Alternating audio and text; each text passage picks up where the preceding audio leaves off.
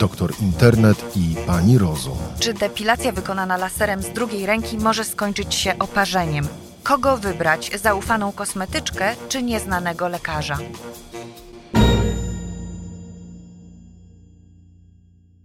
Zabiegi medycyny estetycznej powinny być uznane za świadczenie zdrowotne, tak uważają lekarze. Innego zdania są kosmetyczki, którym zdarza się naruszać ciągłość tkanek.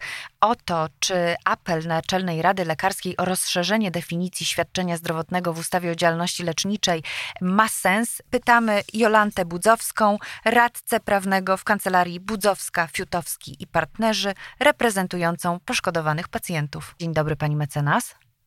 Dzień dobry Pani, dzień dobry Państwu. Pani mecenas, e, lekarze apelują o rozszerzenie tej definicji, e, o takie, ta, takie sformułowanie, e, świadczenie zdrowotne to także działania służące przywracaniu lub poprawie fizycznego i psychicznego samopoczucia oraz społecznego funkcjonowania pacjenta poprzez zmianę jego wyglądu wiążącą się z ingerencją w tkanki ludzkie. Czy taka e, definicja byłaby wystarczająca i czy wówczas osoby niepowołane nie podejmowałyby się zabiegów zarezerwowanych, wydało, wydawałoby się wyłącznie dla lekarzy?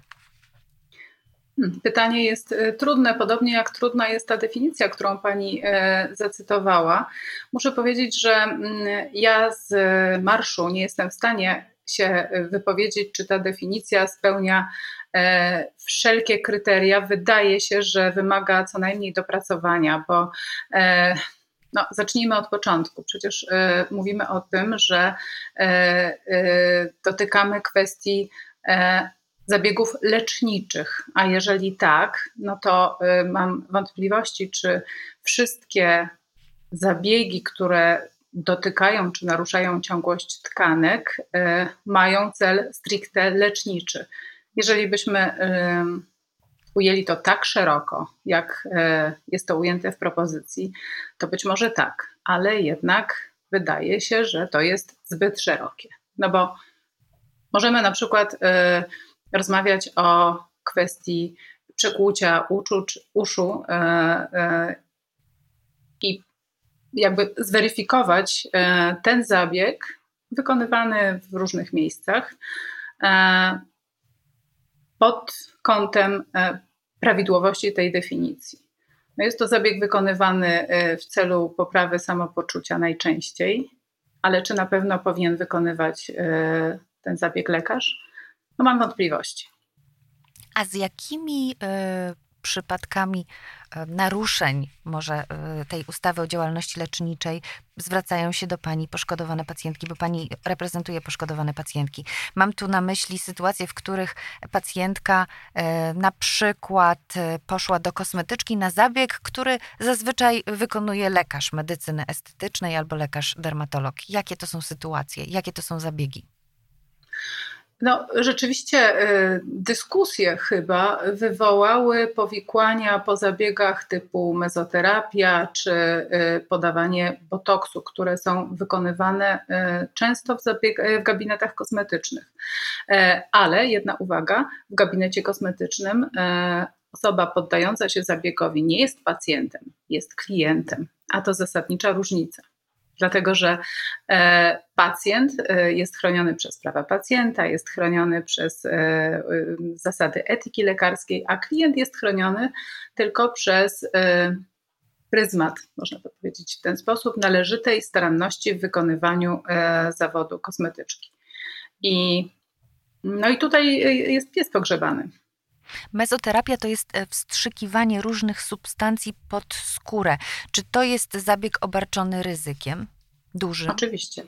Oczywiście e, jest to zabieg obarczony ryzykiem, związanym przede wszystkim z e, ryzykiem zakażenia przy przerwaniu ciągłości tkanek, ale mm, to jest jakby ryzyko znane, zdefiniowane i tutaj kosmetyczki mają obowiązek stosować się do zasad, e, które e, na nie nakłada ustawa o zapobieganiu i zwalczaniu zakażeń i chorób zakaźnych, czyli mają udzielać świadczeń w, takim, w takich warunkach i z zastosowaniem takich procedur, które zapewniają ochronę przed zakażeniami. Więc to jakby mamy w jakimś stopniu uregulowane. Natomiast rynkiem czy też obszarem zupełnie nieuregulowanym jest zakres informacji, jakie pacjentka, a właściwie klientka ma dostać u kosmetyczki przed zabiegiem, czyli że ma zostać poinformowana o ryzyku. Kolejna, kolejny obszar, który szwankuje w tych kontaktach, to jest możliwość sprawdzenia przez klientkę, jakiego pochodzenia jest preparat, który został zastosowany. Często są to preparaty no, z nazwijmy to tak, pochodzące z niepewnych źródeł, dlatego że mm, kosmetyczka no, nie ma obowiązku prowadzenia dokumentacji medycznej. E, dalej, są przeciwwskazania do wykonywania określonych zabiegów, szczególnie e, zabiegów takich inwazyjnych typu peelingi chemiczne. E, tylko od dobrej woli kosmetyczki zależy, jak głęboki jest i dokładny przeprowadzony wywiad wcześniej z klientką i jakie informacje po zabiegu dostaje klientka. A co z botoksem, pani mecenas? Co z botoksem, z kwasem hialuronowym? Słyszy się, że kosmetyczki taniej wstrzykują ten botoks paraliżujący mięśnie mimiczne, no i pozbawiający zmarszczek, że powiększają usta za pomocą kwasu hialuronowego, czasem też powiększają policzki. Otóż to jest y, właśnie ta główna oś sporu, bo y, E, jeżeli chodzi o dyskusję mm, między y, lekarzami i kosmetyczkami, to właśnie ta linia demarkacyjna, powiedziałabym, przebiega e, na wysokości botoksu, bo to jest e, taki najbardziej przemawiający do wyobraźni przykład, ale też taki, który nie jest wydumany, bo wszelkie preparaty wstrzykiwane pod skórę mogą powodować E, poważne odczyny e, zapalne, e, takie związane z reakcją organizmu, z odrzuceniem ciała obcego. I nie jest bez znaczenia, jakie kwalifikacje ma osoba stosująca ten preparat, jak dobrze zna anatomię w ten sposób, żeby uniknąć powikłań typu porażenie mm, urazowe nerwów, I wreszcie, chyba co najważniejsze, czy ma świadomość tego, jak ważne jest y, źródło pochodzenia tego preparatu y, i na przykład sposób jego przechowywania. W sprawach, które prowadzę, mm, oczywiście zdarzają się też sprawy mm, przeciwko osobom prowadzącym gabinety kosmetyczne. Główna trudność paradoksalnie nie polega na udowodnieniu co się stało klientce, pacjentce, czyli jakie powikłania nastąpiły. Te powikłania najczęściej widać jak na dłoni, kiedy mm, zamiast efektu frost po y, peelingu chemicznym y, pacjentka ląduje już, już w charakterze pacjentki y, z głębokimi oparzeniami chemicznymi na sorze albo u dermatologa. Mm, podobnie, kiedy okazuje się, że wstrzyknięty preparat y, y, spowodował przewlekły stan zapalny. Y, I kiedy staramy się ustalić, jaki był przebieg wydarzeń, to nagle okazuje się, że nie ma żadnej dokumentacji. Nie wiadomo, kto właściwie zbierał wywiad, czy w ogóle był zbierany z pacjentką. Nie wiadomo, kto aplikował dany preparat. E, nie wiadomo wreszcie, w jakich warunkach e, ten preparat, ten peeling e, był przechowywany i w jaki sposób zmieniła się jego, zmieniły się jego właściwości. Mam na myśli na przykład zmiany stężenia na skutek przeterminowania. I to wszystko są bolączki związane z brakiem precyzyjnych wymogów adresowanych do gabinetów kosmetycznych. Trzeba oddać sprawiedliwość, że mm, zdarza się, że takie błędy występują też podczas wykonywania dokładnie tych samych zabiegów e, w gabinetach lekarskich. Bo żebyśmy sobie to wszystko uporządkowali, mamy rynek następujący. Mamy rynek usług kosmetologicznych świadczonych przez kosmetyczki z wyższym wykształceniem, a zatem z przygotowaniem do wykonywania zawodu kosmetologa. Albo po licencjacie. Mamy usługi świadczone przez techników kosmetologii czy też kosmetyki.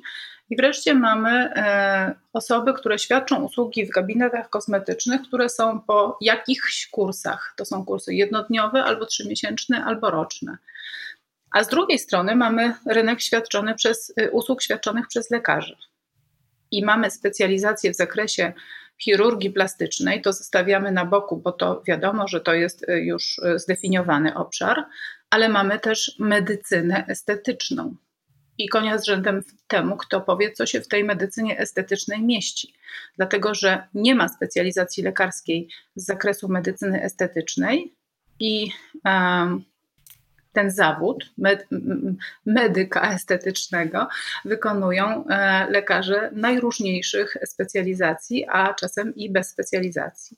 Więc sytuacja nie jest czarno-biała, ale na pewno, tak jak Pani powiedziała na początku, to dążenie do Mm, sprecyzowania, e, jakie zabiegi są zabiegami z zakresu e, świadczeń e, leczniczych czy też zdrowotnych, a jakie są zabiegami czysto upiększającymi, co do których nie ma wątpliwości, że może je wykonywać kosmetyczka. Tak, to wymaga sprecyzowania.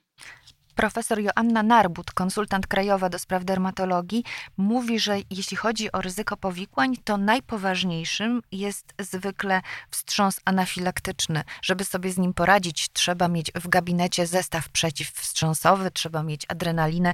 Takich rzeczy no, nie uświadczymy u kosmetyczki, nawet u kosmetologa.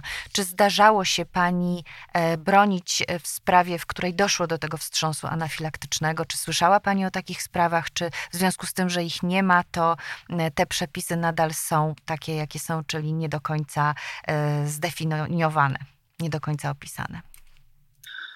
E, wstrząs anafilaktyczny to oczywiście jest bardzo poważne powikłanie i zdarza się przy różnego typu zabiegach, na przykład w gabinetach stomatologicznych i tam jest prawny obowiązek posiadania zestawu. Mówiąc szczerze, nie wiem, czy każdy lekarz, który prowadzi prywatny gabinet, ma obowiązek posiadania takiego zestawu. Na pewno lekarze POZ-u taką apteczkę muszą mieć. Natomiast jedna rzecz jest bezdyskusyjna, a mianowicie, że każdy lekarz e, powinien być przygotowany do udzielenia e, pomocy człowiekowi we wstrząsie anafilaktycznym. No i zakładam, że powinien mieć pod ręką przynajmniej adrenalinę, którą w takich sytuacjach się podaje. Nie wiem, czy programem studiów kosmetycznych jest objęte udzielanie pierwszej pomocy w, w, w przypadku wstrząsu anafilaktycznego. Być może tak, być może nie. E, ale to chyba i tak nie jest argument rozstrzygający. Ja patrzę e, na mm, kwestię konieczności uregulowania tego, co mogą e, wykonywać kosmetyczki, wyłącznie od strony bezpieczeństwa pacjenta. Dziś pacjentka, która poddaje się zabiegowi botoksu albo mezoterapii y, w gabinecie, do którego czasem trafiła y, przez Facebooka czy inne media społecznościowe, gdzie płaci gotówką, gdzie nie ma karty informacyjnej ani żadnego dokumentu y, z, z wykonanego zabiegu, dziś pacjentka nie jest bezpieczna. I to bezpieczeństwo musimy poprawić. Być może droga prowadzi do uregulowania zawodu kosmetyczek w taki sposób, żeby było jasne, że y, zawód może wykonywać tylko osoba z określonym wykształceniem, e, musi zatrudniać ewentualnie osoby z odpowiednim wykształceniem w swoim gabinecie, musi prowadzić stosowną dokumentację i wreszcie, że y, musi y, musi ją wiązać, muszą ją wiązać zasady etyki zawodowej, bo tego dzisiaj też nie ma. To ostatnie pytanie, pani mecenas. Jeżeli mamy do wyboru zaufaną kosmetyczkę i nieznanego lekarza medycyny estetycznej. Wybierajmy jednak lekarza? Hmm. Na pewno za lekarzem e, przemawia e, no, właśnie to, że wykonuje zawód e, regulowany, że e, wiemy, że jego doświadczenie, kwalifikacje zostały zweryfikowane obiektywnie i to, że podlega odpowiedzialności zarówno zawodowej, jak i że ma obowiązek ubezpieczenia od odpowiedzialności cywilnej. Czyli jeżeli coś pójdzie nie tak, stan zdrowia pacjentki ulegnie pogorszeniu, to możemy dochodzić odszkodowania za błąd medyczny od ubezpieczyciela i od samego lekarza. E, z drugiej strony, e, status lekarza nie gwarantuje e, sukcesów zabiegu i nie gwarantuje też nieomylności tego lekarza. Patrząc na to, czy mm, bezpieczny zabieg jest u zaufanej kosmetyczki, Myślę, że tak, e, bo e, większość e, mm, świadomych pacjentów, a w przypadku kosmetyczek świadomych klientów, jednak zwraca uwagę już na tą staranność wykonywania zawodu, czyli dokumentację, czyli źródło pochodzenia preparatów, czy też kwalifikacje. Problem mamy z tymi klientami, których trzeba chronić. Nie powiem, że przed nimi samymi, tylko po prostu przed niewiedzą, e, przed e, klientami, pacjentkami, które e, kierują się głównie ceną i to kryterium jest decydujące. Bardzo dziękuję pani mecenas. Bardzo dziękuję. Słuchaj więcej na stronie podcasty.rp.pl. Szukaj Rzeczpospolita Audycje w serwisach streamingowych.